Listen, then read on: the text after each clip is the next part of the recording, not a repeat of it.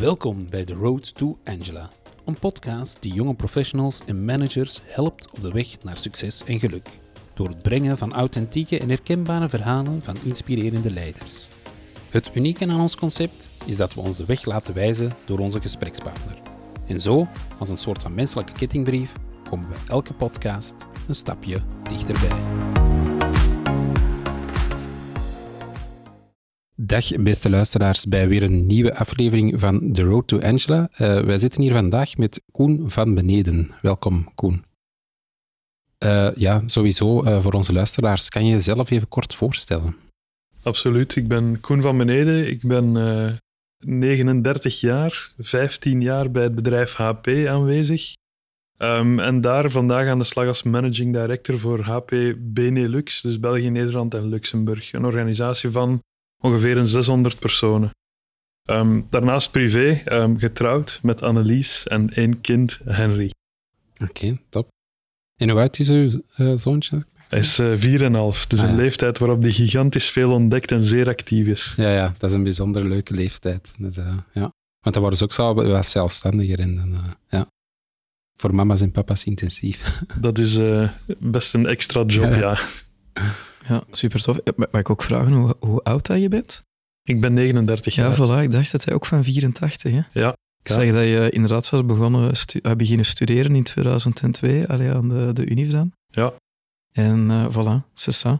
Want op zich heb je dan al wel, um, voor die, mag wel zeggen, relatief jonge leeftijd, hè, dat mogen we wel zeggen voor onszelf. Hè? Ik ben de oudste in de kamer, dus ja, ja, inderdaad. heb je wel een heel mooi traject afgelegd, hè?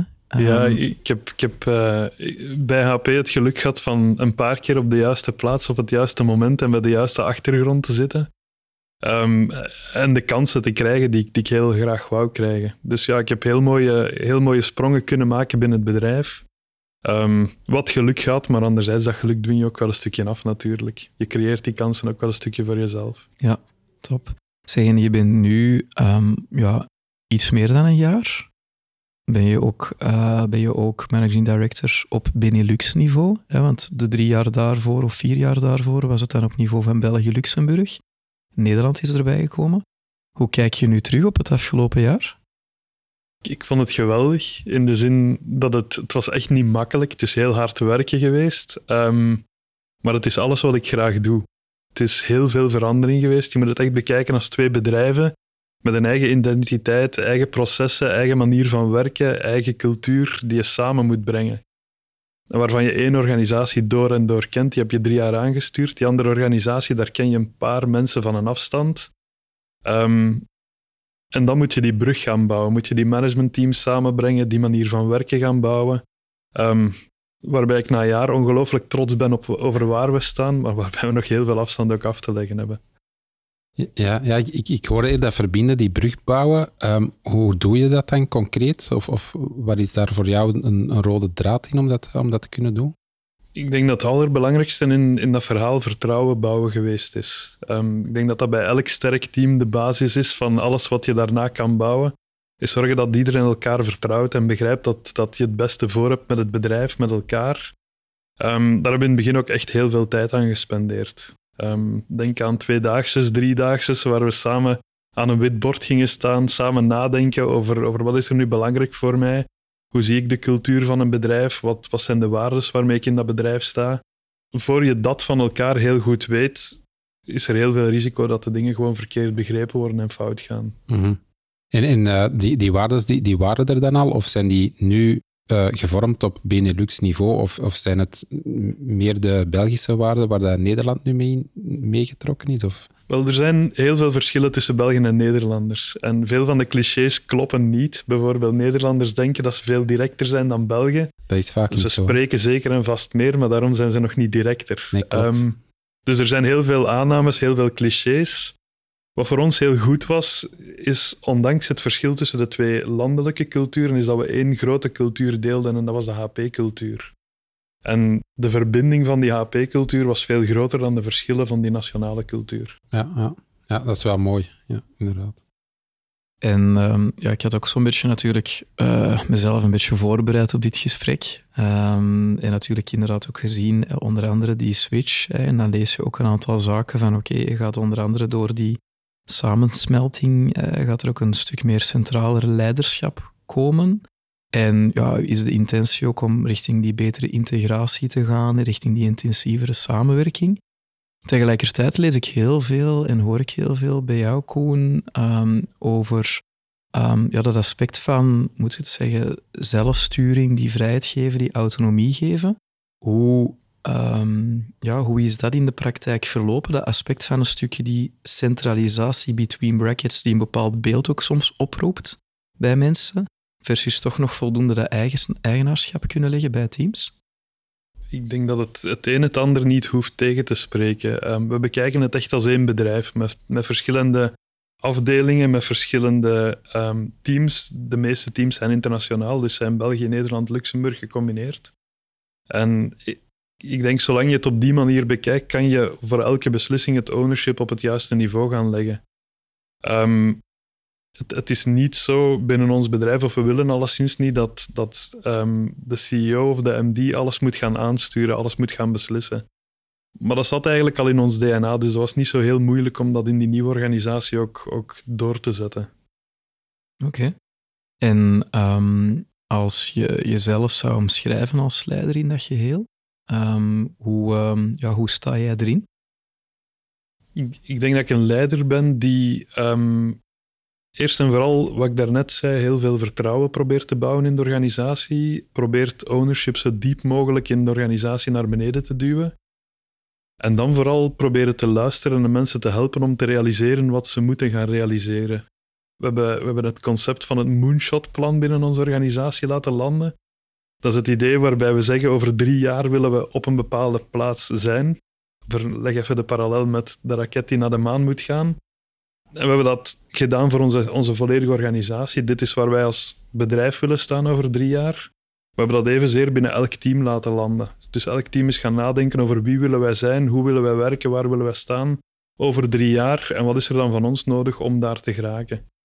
En dat heeft enerzijds iedereen in die toekomstmode gekregen, um, anderzijds zorgt dat er ook gewoon voor dat mensen heel anders gaan kijken naar de aannames die er misschien bestonden. Ze beginnen te denken in wat zou mogelijk zijn in plaats van wat hebben we vandaag. Ja, oké, mooi. En hoe, um, hoe zorgen jullie ervoor? Hè, want het is een, een keischoon idee inderdaad, en op die manier ook die teams ermee aan de slag laten, laten gaan. Dat het voldoende allemaal met elkaar blijft blenden of zo? Ja, er zijn weinig geheime recepten voor. Hè. Dat, is, dat is zorgen dat je vaak genoeg met elkaar praat, dat je de verschillende stakeholders laat samenzitten, maar dat je ook gewoon voldoende bruggen bouwt in die organisatie zodat je ervoor zorgt dat, dat iedereen weet waar de andere mee bezig is, dat iedereen ook gaat samenwerken op verschillende topics. Ik denk dat het heel belangrijk is dat iedereen beseft waar het bedrijf naartoe gaat en dat ze daar elkaar ook gewoon in gaan ondersteunen, eerder dan per silo gaan nadenken wat wil ik bereiken en daar krampachtig aan vasthouden. En werken jullie dan in een soort van uh, zelfsturende teams ook zo qua organisatie? Of, of hoe, hoe moeten we dat juist zien? We proberen dat in zekere mate wel te doen. Nu, we zijn natuurlijk deel van een heel grote corporate, dus daar, daar bestaan wel best wat structuren in zo'n bedrijf um, die wel verwachten dat je op bepaalde manieren beslissingen neemt enzovoort. Um, maar terzelfde tijd, wat ik zei, we vragen aan iedereen om hun stuk van het bedrijf te, te runnen alsof het hun eigen bedrijf is. Mhm. En dat zorgt er wel voor dat ze naar ons komen met uh, voorstellen, bijvoorbeeld, ik, ik zie dit probleem in de markt, dit is wat ik ermee wil gaan doen, dat heb ik ervoor nodig, en dan de nodige approvals komen vragen. We proberen dat zoveel mogelijk te stimuleren, dat ondernemerschap. Ja. En uh, ja, ik vraag mij af, hoe... Uh, is dat iets dat jullie dan ook al op een bepaalde manier meenemen? ook in het recruteringsproces, dat er ondernemerschap er ook al zeker in zit op een bepaalde manier? Absoluut wel. Um, de, er zijn wel wat verwachtingen gewoonlijk in onze industrie en de IT-industrie. Wanneer iemand gaat aanwerven, dan wordt er wel vaak een verlanglijstje opgesteld. Vijf jaar ervaring in IT, dat diploma, die talenkennis enzovoort. Um, dat is iets waar wij veel minder naar kijken. We proberen veel meer te kijken naar welke persoon zit hier voor ons, welk ondernemerschap heeft die persoon, wat heeft hij allemaal naast de studies ook gerealiseerd. En wat je dan ziet is dat die, die extracurriculaire zaken, dat die vaak toch heel hard bepalen hoe sterk iemand effectief in het bedrijfsleven gaat staan. hoe ondernemend zij zijn, hoe gemakkelijk zij bruggen bouwen, hoeveel zij gerealiseerd krijgen. Jullie zijn denk ik ook een vrij data-gedreven organisatie. Is dat, een is dat dan eigenlijk ook iets dat je op een bepaalde manier probeert te, te meten, te monitoren? Misschien al zelfs vanaf dat selectieproces, dat stuk ondernemers? Het, het interesseert mij oprecht. We proberen dat zeker te meten ehm, aan de hand van onze HR-data. Nu, dat is, dat is niet heel evident. Maar je ziet wel in welke mate dat mensen, op, op welke leeftijd werf je aan, in welke mate gaan zij carrière maken in die eerste jaren dat ze bij je bedrijf zitten. Ehm, hoe lang blijven mensen bij jouw bedrijf? Al dat soort zaken kunnen jou iets vertellen over hoe succesvol je erin bent om mensen te laten groeien. Dat proberen we wel echt in kaart te brengen op basis van data. Oké. Als we eventjes terugkijken, nog wat verder hè, op die één jaar later. Het is natuurlijk, het loopt allemaal niet per se super vlot. Wat zijn zo voor jou in dat jaar bekeken ehm zo de grootste beren op de weg geweest? Zijn er zaken waar je echt ook zelf een stukje meer mee geworsteld hebt, tegenaan bent gelopen? Wat voor mij alleszins de grootste uitdaging was, is dat ik binnen HP België kende ik iedereen, kende ik alles. Had ik in veel gevallen ook alles zelf meegebouwd in de voorbije 15 jaar. Het stukje loslaten is wel een uitdaging geweest. En durven een, een rol op te nemen waarbij je niet noodzakelijk alles weet, maar waarbij je vooral focust op het sterkst mogelijke team neerzetten en zorgen dat dat team samen in een bepaalde richting aan het werken is. Was best een uitdaging, begint goed te gaan maar durven loslaten. Ja, oké. En sta je daar dan nu voor jezelf op het punt waar je ook ehm, had gehoopt te staan? Ja, toch wel. Al, al duwt een bedrijf als het onze, dat inderdaad zeer datagedreven is, duwt het je wel vaak in de details. En dan moet je wel enorm opletten om, om te zorgen dat zodra je interventie op een bepaald topic voorbij is, dat je ook iedereen terug in zijn eigenaarschap laat staan. En dat je niet gaat overpakken waar mogelijk een crisis gebeurt of waar mogelijk, mogelijk de stress wat hoger wordt. En, en je zegt je leren loslaten en je bent nu tot op een bepaald punt waar je echt wel al trots op bent. Wat heeft jou gaandeweg het meest geholpen om tot dat punt te komen? Of om dat leren loslaten? Ik denk toch voor een stuk zelfreflectie. Je, je leest natuurlijk heel veel over modern leiderschap en, en wat dat wil zeggen, hoe je dan met mensen moet omgaan. En gaandeweg in bepaalde situaties merk je de invloed van het niet loslaten op de motivatie van mensen. Als je mensen niet zelf aan het stuur laat zitten, als je niet zelf laat beslissen waar ze naartoe rijden, of je pakt dat bij momenten volledig over, dan ga je gewoon motivatie in je organisatie verliezen. En die zelfreflectie is voor mij in de laatste 15 jaar wel heel belangrijk geweest. Daardoor ga je groeien, ga je dingen slimmer aanpakken de volgende keer. Mhm. ja, bewust worden van je eigen doen en, en denken eigenlijk. Ja. En de gevolgen daarvan op, op iedereen in jouw bedrijf. Hmm. Zeggen die, die zelfreflectie in ja, toch wel een drukke job zoals dat je die hebt, ehm, hoe maak je er vandaag praktisch tijd voor?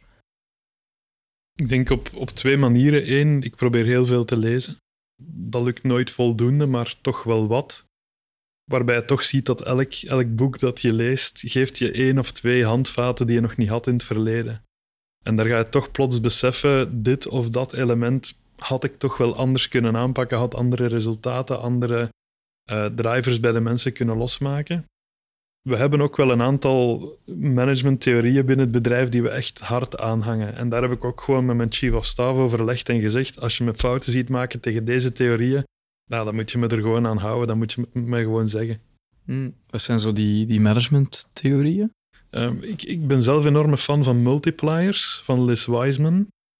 Um, wat eigenlijk een theorie is die gaat over hoe je mensen zo goed mogelijk kan um, motiveren en laten presteren binnen een bepaalde job.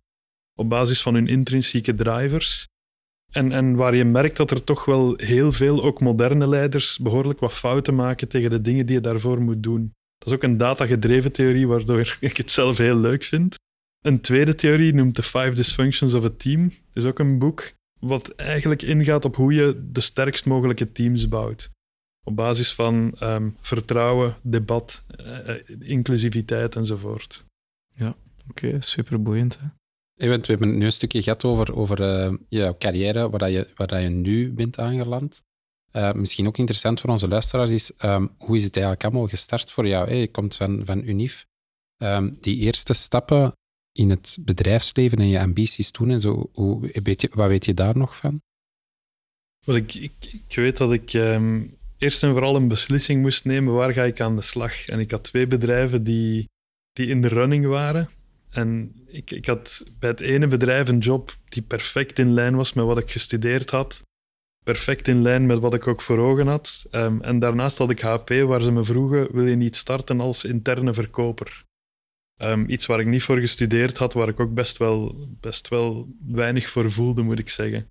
Op dat moment heeft de toenmalige leider van HP me gevraagd: kom eens praten met iemand bij ons, kom eens luisteren naar hoe het bij ons werkt en maak dan je beslissing. En wat je ook beslist, ik zal het respecteren. En ik heb toen zo'n connectie gevoeld met die bedrijfscultuur, de manier waarop ze dingen deden, dat ondernemerschap, dat ik uh, dezelfde dag nog beslist heb bij HP aan de slag te gaan. Ondanks het feit dat die rol mij absoluut niet zou liggen volgens wat ik dacht. Dan ben ik begonnen als interne verkoper. Dat is iets wat ik in 9 à 10 maanden gedaan heb. Um, wat me geleerd heeft hoe het bedrijf eruit zag. Wat mij ook wel geleerd heeft dat ik uh, geen rasverkoper ben.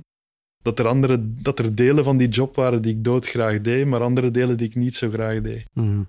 Um, en zo heb ik mijn, mijn liefde binnen HP gevonden, wat in het productmanagement zat. Dus echt de, de cyclus van producten op de markt brengen, de juiste prijs zetten, die markt bespelen, de deals sluiten, al dat soort zaken. Daar, daar heb ik me drie, vier jaar enorm mee geamuseerd binnen, binnen HP. Ja. ja ik zie nog altijd het amusement in uw ogen. Onze luisteraars zien dat natuurlijk niet, maar uh, je ziet die energie nog altijd uh, erin. Ja. Dat, is, dat is echt, ja, als ik het dan zo zie, meer dan een buikgevoel gevolgd, maar dat is bijna een beslissing met je hart genomen, zeg maar, voor, uh, voor HP op die moment. Absoluut wel, ja. absoluut wel. Vanuit het gevoel een beetje, het, het moet niet perfect passen, zolang die cultuur maar heel goed aansluit bij wie ik ben. Ja, ja, dat is mooi. Oké. Okay.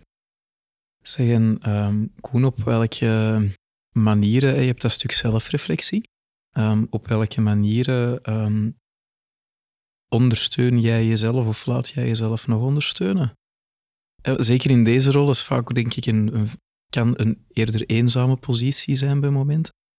Hoe, um, hoe ga je daarmee aan de slag? Ik heb altijd heel veel gehad aan mentoring.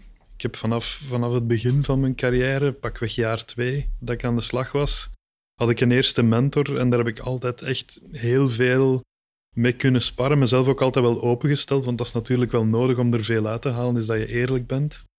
Tot op de dag van vandaag heb ik heel goede mentoren gehad, eh, die ik ook super dankbaar ben en waar ik ook hoop dat ik iets heb kunnen teruggeven in die periode. Um, dus dat is één deel. Het tweede deel is dat ik ook met mijn team zo eerlijk en open mogelijk ben. Ik denk dat we de meeste van de moeilijke uitdagingen die we hebben, dat we die samen dragen. En dat, dat ik weinig moet verbergen voor hen. Ook al wil dat zeggen dat je, um, dat je als leider soms moet afscheid nemen van je eigen visie. Met het team erover nadenken en durven loslaten en durven hen mee aan het stuur te laten zitten. Zeggen die, uh, die mentoren, um, zoek en zocht je die vooral intern dan bij HP of ook een stuk extern?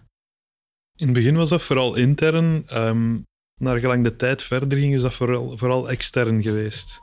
Omdat je binnen het bedrijf heb je natuurlijk de mensen waarmee je eh, in, in je chain of command waarmee je kan overleggen. Maar ik vond het net heel prettig om met mensen buiten dat bedrijf te gaan sparren, waar, waar je toch weer nieuwe inspiratie haalt, andere managementstijlen, andere inzichten ook heel vaak. Um, dus ik vind de combinatie wel heel leuk. Oké. Okay. Zeg, wat is het stuk waar jij nu nog zelf graag verder in zou ontwikkelen? Goh, ik vind de um, balans een heel moeilijke vandaag. Uh, ik, ik, ben iemand die heel hard gaat in alles wat ik doe. Zowel in het werk als in ontspanning, als in alles waar ik aan begin wil ik volle bak doen. En um, die balans, die heb ik soms niet genoeg als ik ergens voor aan het gaan ben, dan, dan durf ik dat echt wel te hard te doen. Dus dat ben ik aan het proberen in. Uh, aan, uh, ja, daar probeer ik mezelf beter in te maken. Hmm. En, en hoe probeer je dat vandaag? Um, structuur is best wel belangrijk voor mij daarin. Ik, ik ben echt wel een believer van gewoontes um, die je in je systeem gaat inbouwen. Een voorbeeld daarvan is dat ik in, in mijn werk- en, en privéleven balans dat ik beslist heb 15 jaar geleden, ik ga elke dag heel vroeg beginnen werken. Um, maar ik ga ook nooit in het weekend werken. Ik zal niet zeggen dat dat perfect lukt, maar dat lukt vrij goed voor mij. en dat soort systemen zijn denk ik wel heel belangrijk. Zonder dat het rigide wordt, je moet flexibiliteit behouden. Maar dat systeem laat je wel toe om op dat moment ten volle in een bepaalde mode te zijn. Ten volle in Mhm. werkmode, ten volle ontspannen. Ja, ja, en je hebt natuurlijk ook, het zijn de keuzes die je zelf maakt op dat moment. Dat, eh, dat helpt ook. hè. Het is voor mij ook een, eh, een naadloos bruggetje, die topic. Want ik had inderdaad ook gezien dat je in de periode van 2006, 2007 eh, ook, ook zelf hebt ehm, meegewerkt ehm, op het niveau van de KU Leuven en op het niveau van groep T. En er is natuurlijk ook het bruggetje met Ism, Ismaël te maken, hè? Ismaël Benalal. Ja, want het was toen ook die periode dat die zilveren medaille is, eh, is. Kan je daar ook een beetje meer over vertellen, over die, die periode, hoe dat je daarop terugkijkt? Ja, dat was een enorm leerrijke ervaring. Ehm, ik zal beginnen bij het begin. Ik ben nooit een goede student geweest. Ik ben altijd iemand geweest die misschien wat verveeld in de klas zat of wat weinig in de klas zat bij, bij hoger onderwijs. En, en zowel de studentenvereniging achteraf als het Solar-team zijn twee dingen geweest die mij enorm hebben doen inzien dat ik eh, geen mislukking was in het leven.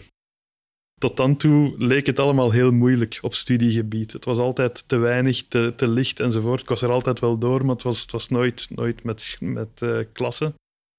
En die dingen, zeker ook het Solar-team, hebben mij doen beseffen van met de, de juiste omgeving, in het juiste project, kan ik hele mooie dingen realiseren.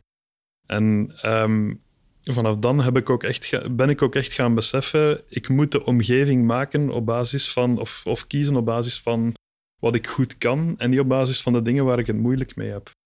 Waarschijnlijk ook vandaar dat ik achteraf heb gekozen voor HP, wat juist voelde, wat voelde als een omgeving waarin ik zou renderen. Ja, ja. ja dat is inderdaad wel een, een schone. Hè?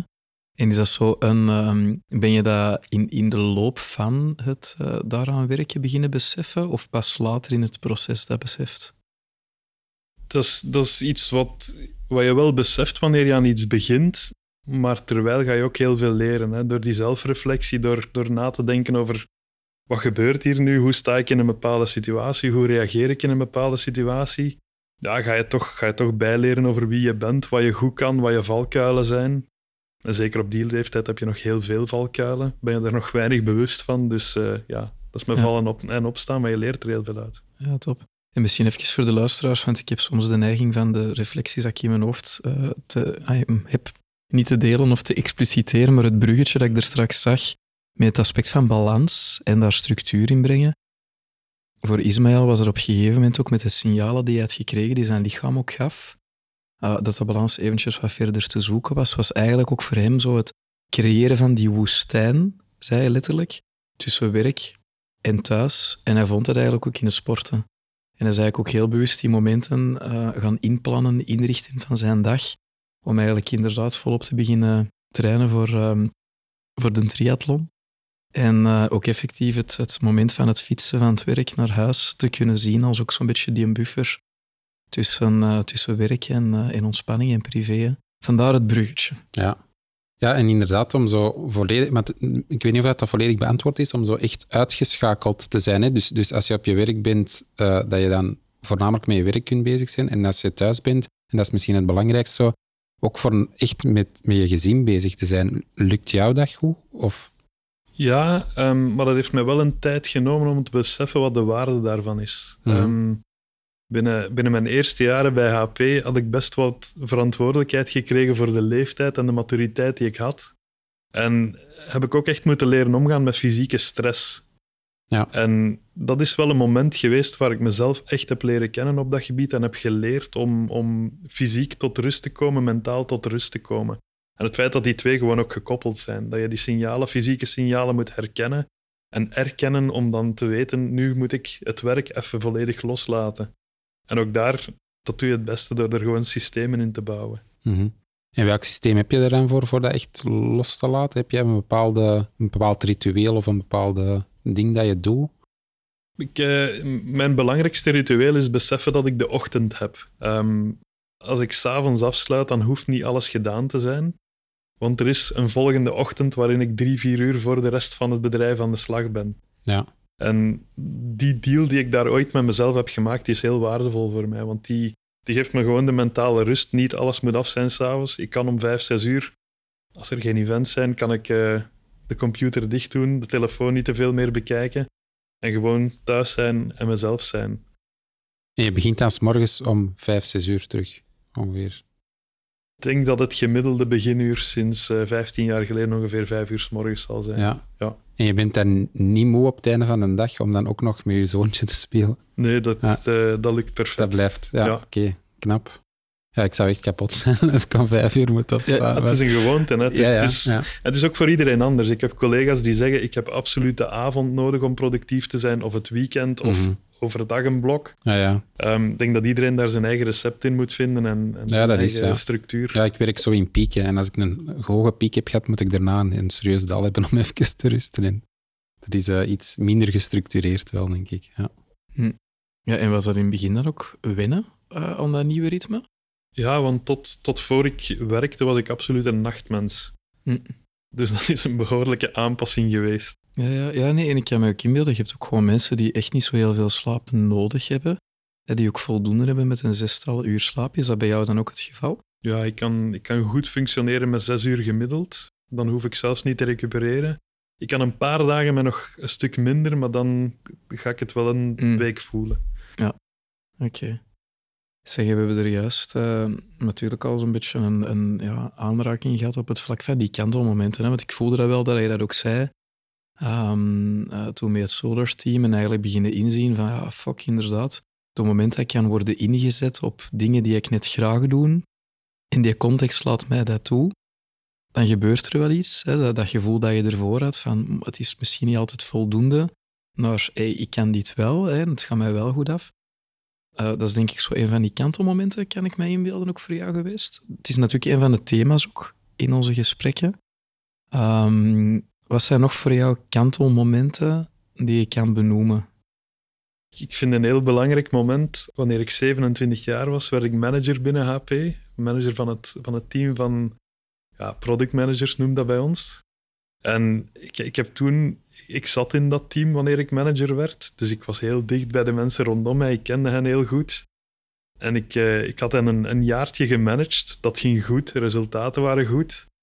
En toch ehm, gaf mijn manager mij op een gegeven moment, tijdens de jaarlijkse evaluatie, gaf die aan van Koen, alles wat je doet is goed, maar je weet totaal niet waarom, het, waarom je doet wat je doet. En ik, ik weet nog altijd niet of het, of het een briljante feedback was, dan wel onwetendheid, ehm, maar het heeft mij wel getriggerd. En het heeft mij aangezet om een, een jaar lang enorm veel boeken te lezen over modern leiderschap. En dat jaar heeft mij enorm veel voeding gegeven om mijn stijl aan te passen, om veel krachtiger te staan in mijn managementstijl. Het heeft me gewoon veel beter gemaakt. Het is ook daar dat ik heel wat van de theorieën die ik vandaag aanhang heb leren kennen. Dus eh, dat is echt wel een kantelmoment geweest. En heeft ervoor gezorgd dat ik na de liefde voor product management, de liefde voor het ontwikkelen van mensen heb, eh, heb gevonden. En heb je het gevoel door, door, die, ehm, door die opleidingen of die boeken te lezen, ehm, dat je een ander soort manager bent geworden of dat je net gewoon dichter naar jezelf bent toegegroeid? Ik denk een beetje de combinatie van de twee. Het feit dat dit al een jaar goed liep daarvoor, is natuurlijk niet zomaar. Er waren een aantal dingen die ik van nature waarschijnlijk, ehm, waar ik affiniteit mee had, die ik graag deed en, op een bepaalde manier wel goed deed.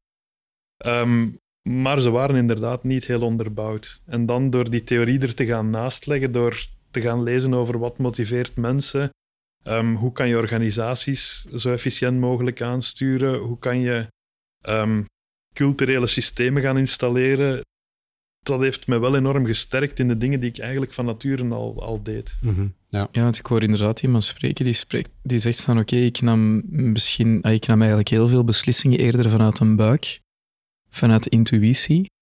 En vanuit die feedback ben je het eigenlijk dan een stukje gaan proberen onderbouwen, woorden, modellen, concepten aan te koppelen, om te kunnen laten zien dat het onderbouwd was. Ja, grotendeels akkoord. ehm, maar anderzijds zijn er vanuit intuïtie ook een aantal dingen die je doet die gewoon verkeerd zijn. We, zijn. we proberen vaak te lief te zijn. Ik vind feedback een prachtig voorbeeld. We geven vaak geen feedback omdat we weten dat de andere persoon het wel goed bedoeld heeft. Maar daardoor wordt die persoon niet beter of gaat die niet inzien wat mogelijk een blinde vlek is. Dus het is toch door de combinatie van dan die kennis en die intuïtie dat je tot een veel beter recept kan komen, volgens mij. En wat zijn, wat zijn nog zo'n momenten geweest voor jou? Belangrijke momenten? Nou, ik denk het derde echte kantelmoment in mijn carrière, dat was, dat was een samenloop van omstandigheden. Dat is uh, eind 2019, begin 2020. De start van corona was één deel van dat verhaal. Maar op datzelfde moment had ik een, had ik een zoontje dat pas geboren was. En kreeg ik uh, mijn MD-functie voor HP België en Luxemburg. Dus de combinatie van het verantwoordelijk worden voor een bedrijf, door corona dat bedrijf op een heel andere manier te moeten gaan aansturen, en dan nog eens die privé-werkbalans die overhoop staat omdat je, omdat je een nieuw gezinslid hebt en ook daar jezelf moet heruitvinden. Ook dat is een prachtig kantelmoment geweest. En, en een van de momenten, een van de weinige momenten waar ik opnieuw echt in aanraking kwam met fysieke stress, omdat het zoveel tegelijk was. Dus, dus heel interessant, um, omdat je zoveel nieuwe recepten voor jezelf en het bedrijf moet gaan schrijven op, op dat moment. Ja. Wat me wel inderdaad triggert, want je benoemt dat zo, die, die fysieke stress die je ervaart. Ik weet dat mensen dat vaak bij zichzelf niet zo goed herkennen. Wat dat, dat punt is dat men fysieke stress ervaart. Men gaat er eigenlijk een stukje aan voorbij. Vaak tot het een stukje te laat ook soms is. Um, hoe herken jij dat bij jezelf? Ik, uh, ik, heb het denk ik in drie golven meegemaakt op 15 jaar tijd en, en, nooit heel lang. En het is drie keer op verschillende manieren gekomen. Um, dus ik, ik, denk niet dat ik perfect kan zeggen bij mezelf: dit is het signaal. Maar je merkt wel, mijn lichaam doet iets anders dan wat ik gewoon ben. Bijvoorbeeld uh, bij het begin van corona had ik, voelde ik aan mijn ademhaling dat die korter was dan anders op bepaalde momenten wanneer de stress omhoog ging. En ja, dat geeft je gewoon aan. Ik heb niet voldoende rust. Ik heb niet voldoende. Um, ik sta niet voldoende in mijn kracht. En dan besef je dat. Dat, dat is natuurlijk stap 1. Beseffen, hier is iets aan de hand. Stap 2 is er iets aan gaan doen. Terug tot die rust kunnen komen. En dat kan je deels managen. Dat is deels ook iets wat je moet laten gebeuren. Waar je over moet nadenken. Hoe, hoe ga ik er nu voor zorgen dat in de situatie die is wat ze is, dat ik toch terug um, die controle kan gaan winnen. En communiceer je dat ook uh, binnen je organisatie op dit moment? Die, waar dat je daarmee struggelt? Ik denk dat je, je kan dat neerleggen bij een paar mensen, maar dat, dat is natuurlijk niks wat je heel breed gaat nee, communiceren. Nee, Want je moet als, als leider ook, ook aangeven aan iedereen, de situatie is onder controle. Dat was ze uiteindelijk mm -hmm. ook. Um, maar je moet wel... Ik denk wel dat het iets is waar je zeker hulp kan gebruiken om ermee aan de slag te gaan door na te denken over wat is er nu aan deze situatie dat mij misschien onzeker maakt of gestresseerd maakt. Wat zouden mogelijke recepten zijn om daar dan mee aan de slag te gaan? Ik denk het, het herkennen, erkennen en vervolgens er iets mee doen, dat dat superbelangrijk is. Ja, ja, ja absoluut. Ja. En dan, um, je, je, je herkent op dat moment, je wordt je bewust inderdaad van die signalen. Dus jouw lichaam geeft er ook een bepaald signaal. Wat heb je dan op dat moment voor jezelf ook, uh, ook veranderd? Of waar ben je mee aan de slag gegaan? Hè? Waar heb je op gewerkt? Ja, ik, ik denk dat het, dat het op dat moment nog meer gegaan is dan ervoor over een lijn trekken tussen werken en niet werken. Dat was natuurlijk voor iedereen een risico in het begin van die coronaperiode. Um, dat, dat je gewoon in de woonkamer of vlak naast de plaats waar je ontspande, was je ook gewoon aan het werken. Dus meer die afbakening maken en ook een stukje gewoon fysieke activiteiten inplannen om te ontspannen, om niet aan het werken te zijn, om tot, tot dat trage denken, tot dat, tot dat rustige denken te komen. Ja. En zaten er dan ook elementen bij? Want uiteindelijk, ja, je komt in een nieuwe rol, nieuwe verantwoordelijkheden. Je sprak er straks ook over die periode, uit 2006, 2007. Dat moment dat je voelt van, hey, als ik hier ingezet word op de dingen die ik goed ben, I can thrive. Zaten er ook stukken bij in jouw job waar je op dat moment van dacht van hm, misschien moet ik hier ook kijken naar een bepaalde andere context, naar bepaalde zaken die ik misschien toch ergens anders kan leggen waar het beter hoort? Dat is zeker en vast waar. Um, wanneer je de rol van bedrijfsleider overneemt van een voorganger, dan heb je in de meeste gevallen jarenlang een bepaalde manier van werken gezien. En ik denk dat mijn valkuil zeker in het begin was dat ik, dat ik aannam dat ik heel veel zaken op dezelfde manier moest gaan doen. En dat heeft een paar maanden geduurd voor ik kon beseffen, ik mag dit ook gewoon op mijn eigen manier doen. Ik mag dit authentiek doen. En ik moet daar helemaal niet zo hard bij oppassen als ik in het begin dacht. Dus het is absoluut waar. Maar tot dat besef komen en dan effectief ermee aan de slag gaan en terug tot rust komen, is wel een proces. Ja, dat snap ik. En, en wat zijn dat voor jou zo, die, die zaken, dat je dan op dat moment liever ergens anders legt? Goh, ik, ik, ik heb niet onmiddellijk voorbeelden, moet ik zeggen. Ehm, ik, ik denk dat het vooral ging over dingen anders aanpakken. Bijvoorbeeld communicatie naar werknemers. In het begin van die coronaperiode waren er heel veel vragen, heel veel onzekerheden.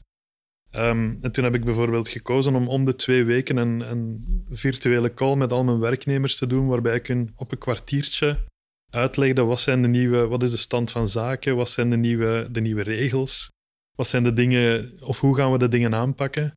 En dat deed ik vanuit een, een denk ik dan, heel authentieke manier van communiceren, heel sterk vanuit mezelf. En dat werkte, en dat zou mijn voorganger nooit gedaan hebben, die zou dat heel anders hebben aangepakt. Oké, mooi. Zijn er zo naast die ehm, professionele um, kantelmomenten, dat um, die natuurlijk ook die persoonlijke impact hebben, hè, zijn er zo nog momenten geweest in jouw leven die echt zo die een impact hebben gemaakt van wie dat je vandaag kan en mag zijn? Ja, ik denk dat het, het andere heel grote moment is uiteraard de geboorte van mijn zoontje. Wat er toch voor zorgt dat je heel anders in het leven gaat staan. Wat ervoor zorgt dat je. Um, ik heb dat wel onderschat op voorhand. Um, de eerste keer dat je, dat je manneke vast hebt, dan heb je ineens het gevoel: vanaf nu ben ik verantwoordelijk voor, voor die kleine jongen. Eerst en vooral, en dan pas voor mezelf en, en de rest van de wereld. En dat was, dat was voor mij alleszins een ongelooflijk krachtig moment. Ik weet dat dat voor iedereen anders is. Um, maar voor mij best wel een, een krachtig moment. Ja, dat mijn leven wel anders heeft gemaakt. En op welke manier kijk je dan ook anders nog, specifieker naar, uh, naar het leven? Ik denk dat ik um, tot dat moment altijd het werk en anderen voor mezelf heb gezet. En nu is het, is het nog makkelijker. Nu staat hij helemaal vooraan, samen met mijn vrouw. En dan komt het werk en dan al de rest. Dus op die manier, ik denk dat gewoon mijn, mijn rangorde op dat vlak een stukje is aangepast op dat moment. Ja. En alleen dat helpt al misschien jou om die afbakening ook, uh, om er ook trouw aan te blijven, aan die afbakening. Ja, dat helpt inderdaad enorm om prioriteiten te stellen. Sommige dingen zijn gewoon niet meer negocieerbaar en dat waren ze vroeger helaas wel. Ja, toen mij denken aan een uitspraak van um, een, uh, een vroegere werkgever, een vroegere baas van mij, die zei van ja Bart, als je denkt dat je kunt inbeelden wat het effect is van een eerste kind, doe het gewoon maal duizend. dat, is, dat is effectief, ja. Wou jij nog een beetje dieper ingaan op een aantal van die momenten, Patrick? Uh, nee, ik denk dat we het al hebben gehad. van, van inderdaad, um, ik denk dat je het net hebt beantwoord van de, de komst van je zoon, waar dat dan juist veranderd heeft. maar dat heeft dan met die prioriteiten te maken. Misschien ook wel, wat hoop je eigenlijk, of wat is jouw grootste wens voor je zoon? Als je kijkt naar, naar hoe, hoe dat jouw leven is gelopen, hoe, wat wil je eigenlijk graag voor hem? Ik, um, ik ben enorm begaan met de ontwikkeling van mensen. En um, ik, ik denk dat ook daar het krijgen van een kind een enorm geschenk is. Want wanneer ik me frustreer in het gedrag van iemand, dan probeer ik altijd ook het, het gevoel op te wekken alsof het mijn eigen kind zou zijn. En of alsof het je, een, een van je ouders is. Waardoor je met veel meer empathie, met veel meer liefde naar die persoon gaat kijken en nog veel makkelijker hebt om om te begrijpen dat hun bedoelingen goed zijn. En, en dat heeft me ook geleerd om binnen mijn eigen organisatie te proberen iedereen naar dat punt van sterkte te krijgen, naar, naar een, een job waarbinnen ze op hun sterktes kunnen werken, naar zelfontplooiing, persoonlijke groei. En het is ook dat wat ik echt voor mijn, voor mijn zoon graag zou willen. Dat hij tijdens zijn levensloop kan ontdekken wat zijn sterktes zijn Um, ook leert kennen wat, wat, de dingen zijn die hij moeilijk vindt. En dat hij op basis van zijn sterkte zijn heel mooi uh, zichzelf kan ontwikkelen, kan ontplooien. Ik denk dat er heel veel mensen rondlopen die, die moe en gefrustreerd zijn omdat ze nooit door dat proces zijn kunnen gaan. Of zichzelf nooit volledig hebben kunnen leren kennen. Hmm. Ja. In, in welke handvaten zou je daar dan voor, voor aanreiken? Of, uh, niet alleen per se voor je zoon, maar stel ook andere mensen. Hoe, hoe, hoe leer je dat? Hoe, hoe besef je waar dat je sterk in bent? In... Ik denk dat er, dat er twee belangrijke dingen voor zijn. Eén is gewoon een aantal assessments doen. Nu, dat ga je, dat ga je niet doen met je zoontje van vier jaar. Nee, dat is wat vroeg Ehm, misschien. ik, ik denk dat daar vooral het tweede van tel is. En dat is, dat is een stukje coaching, de juiste vragen stellen, de juiste inzichten proberen te geven op basis van de dingen die je zelf ziet. En dat is wat we met werknemers uiteindelijk ook heel vaak doen. Hè. We gaan praten over hoe de dingen gelopen zijn, wat ze makkelijk vinden, wat ze moeilijk vinden. En dan probeer je mensen te laten landen op de juiste plaats, waar ze op die sterktes kunnen werken. Mhm. En ik denk dat dat ehm, met, met je kind of, of iedereen in je omgeving hetzelfde is. Je probeert hen te helpen om op die juiste plaats, op die juiste Ja. sterktes te gaan Echt het werken. coachen. Ja. Ja. ja. Right. Oké. Waar droom je eigenlijk nog van, Koen? Ik doe mijn job doodgraag, maar je, je merkt af en toe dat je binnen een multinational zit, waar best ook wel wat beperkingen zijn. Dat je deel bent van een groter geheel. En ik moet zeggen dat ik dat waarschijnlijk ook de helft van het plezier van de job vind. Om binnen een ecosysteem met grenzen toch het maximum eruit te halen. Maar datzelfde doet mij denken dat ik ook ooit heel graag een bedrijf zonder die grenzen zou hebben. Dus eh, bijvoorbeeld aan het hoofd staan van een groot Belgisch bedrijf lijkt me ook een enorme uitdaging, een enorme interessante job. Dat gezegd zijnde, nog eens, ik doe mijn werk enorm graag. Ik vind de cultuur in ons bedrijf enorm leuk. Dus dat is zeker niks voor vandaag, maar one day. Ça en, eh, Koen, eh, we hebben, het, we hebben het aan gehad over het stukje van waar droom je nog over? Je bent ook ehm, ja, best wel succesvol geweest, ook professioneel. Ja, en Nog ook steeds privé, en nog geweest. steeds, ja, absoluut. Wat betekent succes eigenlijk voor jou? Ehm, ik, ik denk dat ik het heel belangrijk vind om mooie dingen te realiseren. Dat is iets wat ik in, in al mijn vorige ervaringen heel belangrijk heb gevonden. Om een, je krijgt een bepaald ecosysteem waar je verantwoordelijk voor wordt. En een manager vroeg me ooit wel eens na een jaar succesvol in een job te zitten, wat is de impact die je nu, nu echt hebt gehad in dat jaar? En ik, ik moest eerlijk zeggen dat ondanks geweldige resultaten, dat ik, dat ik niks had veranderd tegenover daarvoor of niks structureel anders was gaan doen. En dat is wel iets wat ik binnen een job heel belangrijk vind. Je krijgt iets in een bepaalde hoedanigheid en je wil dat ecosysteem brengen van een huidige staat naar een betere staat voor de toekomst. Daar voel ik me verantwoordelijk voor. Dus als je me vraagt wanneer voel je je succesvol in een job, dat is dan. Wat is daarvoor nodig? Daarvoor moet je, moet je zorgen dat je een heel sterk team bouwt, dat je dat team samenbrengt, eerlijk laat debatteren over, over hoe dat succes er moet uitzien, wat de stappen zijn om daar naartoe te geraken. En, en dat is denk ik hoe ik binnen een job succes definieer. Maar met een heel belangrijke kanttekening, het moet authentiek zijn. Ik kan, ik kan voor mezelf geen succes nastreven als ik niet mezelf kan zijn.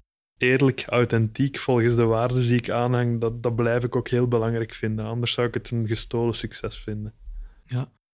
Zeggen dat, dat inzicht, ehm, ja, hoe, hoe linkt dat dan? Of is dat bij jou ontstaan? Want je, je sprak er straks hè, er net ook al over dat aspect van dat een eerste keer echt beseffen van ik ben hier meer waard dan ja, dat ik tot nu toe eigenlijk heb kunnen ervaren. Is dat daar ook ergens aan, aan, aan gelinkt in, in hoe dat je ja, ehm, bent opgegroeid en dan inderdaad die momenten hebt gaan ervaren? Ik denk dat wel. Ehm, ik, heb, ik heb op een gegeven moment beseft, als ik op mijn sterktes werk, dan kan ik mooie dingen realiseren. Als ik daar heel bewust mee omga, dan kunnen we dingen maken die, die in het verleden niet bestonden. Dan kunnen we, kunnen we dingen bouwen die mensen verbazen. Maar het risico daaraan is natuurlijk dat je je eigenwaarde gaat linken aan die successen die je boekt en, en de dingen die je realiseert. En dat heb ik best wel een uitdaging gevonden, misschien zelfs in de laatste vijf jaar om ook weer mijn eigen waarde los te zetten van de dingen die je gerealiseerd hebt. Waarschijnlijk komt dat ook wel door het feit dat je pas op een zekere leeftijd de dingen hebt gevonden die je echt graag doet, die je echt goed doet. En hoe ehm, vertaalt dat aspect aan zich richting leiderschap en jouw verwachtingen richting de mensen?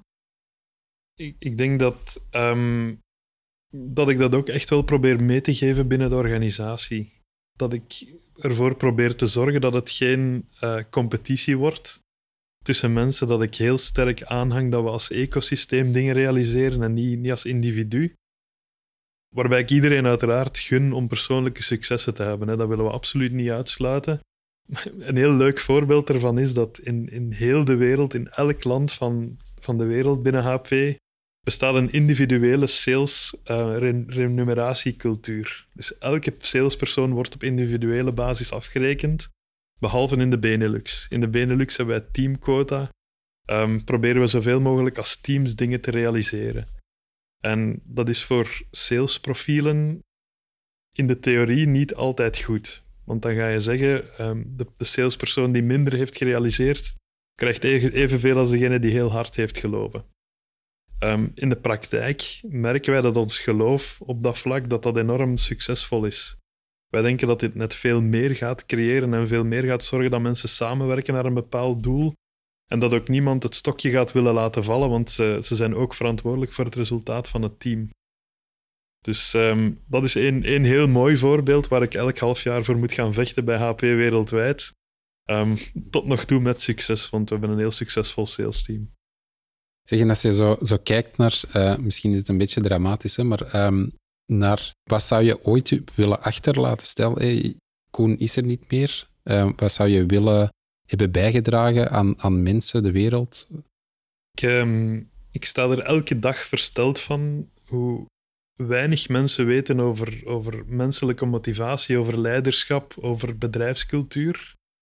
En ik ga zeker niet zeggen dat ik daar de wijsheid in pacht heb, maar ik vind het wel een heel belangrijk onderwerp. En ik denk als, als één, als er twee zaken zijn die ik wil meegeven, dan is het enerzijds, ik wil, ik wil zorgen dat er overal waar ik gewerkt heb een betere cultuur is en een voorbeeldcultuur is tegenover de hele vele dingen die misgaan elke dag.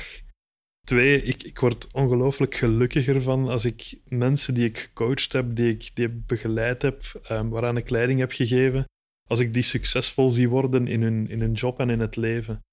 Dus ik hoop, ik heb zelf heel veel mentorship gekregen, heel veel begeleiding gekregen. Ik hoop dat ik zelf heel veel mensen mag inspireren en mag helpen om succesvol te worden, zichzelf te realiseren.